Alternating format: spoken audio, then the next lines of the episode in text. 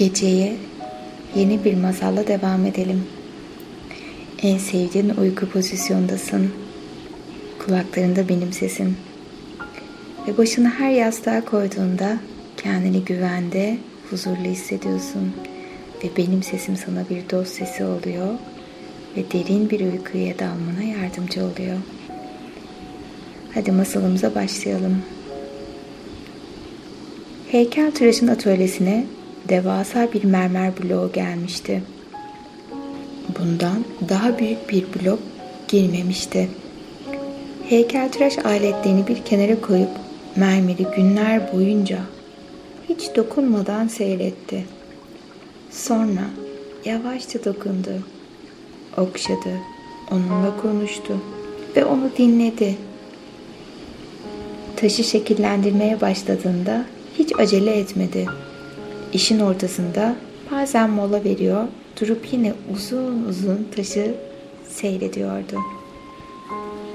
Gün ve gün taşın içinden bir kadın silüeti görmeye başladı. Güçlü kuvvetliydi. Kolunun altında meyve dolu bir sepet taşıyordu. Fırçalanmamış saçları fırtınada dökülüyordu. Her geçen gün daha da canlı görünüyordu kadın ve sonunda bitti. Heykeltıraş yeni eserini göstermek için eşini ve oğlunu atölyeye çağırdı. Bitirdiği her işi önce ailesine gösterirdi. Oğlu ham mermer bloğunu atölyeye ilk geldiğinde görmüştü.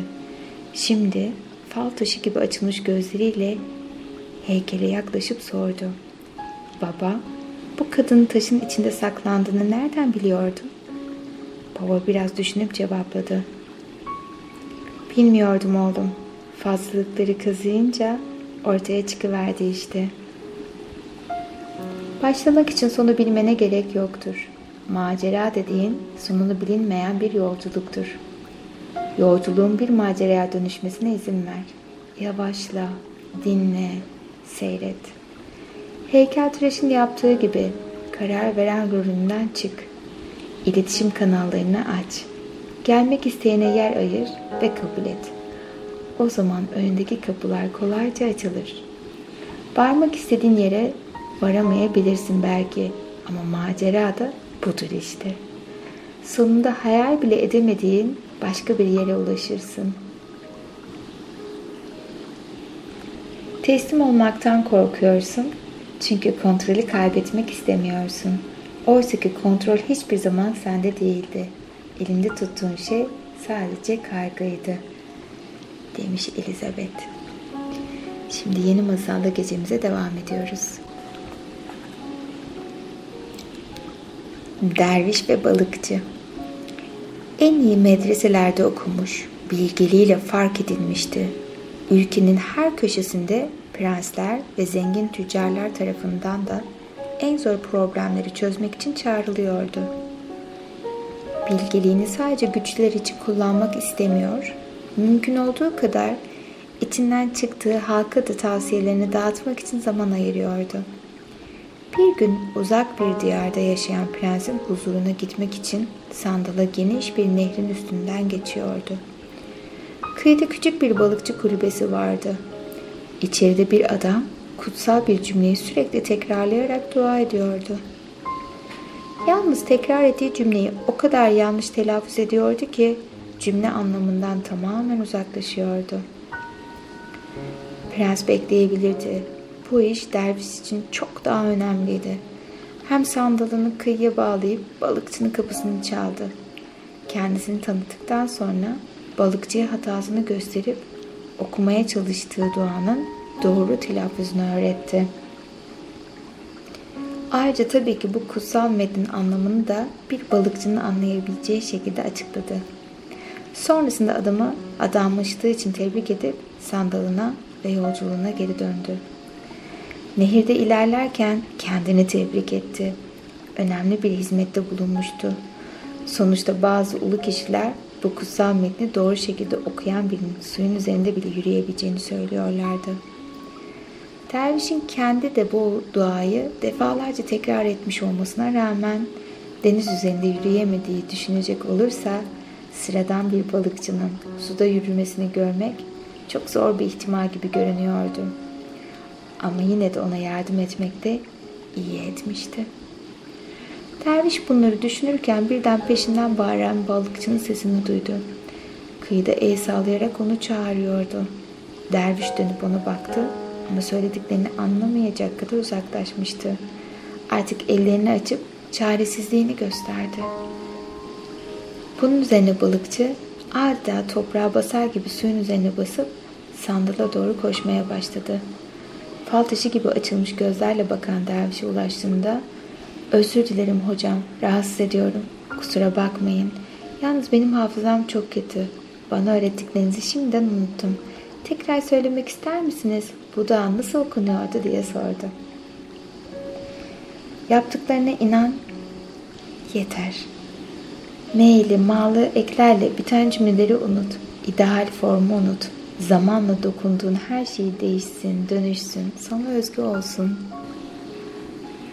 Başkalarının nasıl yaptığı seni ilgilendirmiyor. İşini doğru yapmaktansa etinden geldiği gibi yapmaya odaklan. Ancak o zaman senin için iyi olanı keşfedersin. Bir alıntıyla bitirelim. Bilginler okumayı kitaplarda yapan kimselerdir. Ancak düşünür, dahi, dünya aydınlatıcıları ise bu eylemi doğrudan dünya kitabında gerçekleştiren kimselerdir. Yani eyleme dökmekten korkma, hayallerini gerçekleştirmekten korkma, kendin olmaktan korkma. Başarının en güzeli kalbine, ruhuna hitap eden şeklidir. Formülünü kendine göre değiştirebilirsin. Hayatta tek bir formül yoktur. Yeni masalımızda devam edelim. Sultanın kelebek rüyası. Sultanın sesi gürdü. Sinirlendiğinde sarayın duvarlarını titretirdi. Sadece duvarları değil tabii ki. Saraydaki herkes tir tir titrerdi. Öfkesi korkunçtu.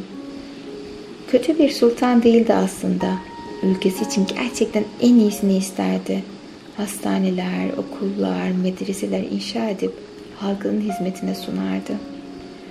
Bu topraklarda daha önce onun gibisi görünmemişti ama öfke nöbetleri çok kötüydü.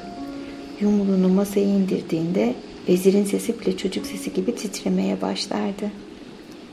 Günlerden bir gün sıcak bir öğleden sonra bu iri yarı güçlü göbekli sultan bahçesindeki bir ağacın altına uykuya yattı. Tam dalacakken buruna bir kelebeğin konduğunu ve onu çağırdığını duydu. Hadi uyan ve gel benimle. O an sultan kötü bir rüyadan uyanır gibi birden bedeninden sıyrılıp ayrıldı ve kelebeğin peşinden uçarak gitmeye başladı. Kelebek olunca bahçe gözüne daha çok büyük ve güzel göründü. Bütün dünyanın sadece parlak renkler ve nefis kokulardan oluştuğunu düşününce kendini çok hafiflemiş hissetti. Etrafını önceden hiç fark etmediğini ilahi müzik yapan kanatlı bir kalabalık sardı. Yusufçuklar, kelebekler ve kuşlar. Birden bir kahkaha attı ve iyice gevşedi. Evet, bir ağırlıkla var olmak ne kadar da korkunçtu. Şu kelebek haliyle başka varlıklar adına karar vermenin nasıl bir şey olduğunu düşünemiyordu bile. Bırak başka varlıkları aslında kendini bile düşünemiyordu şu anda.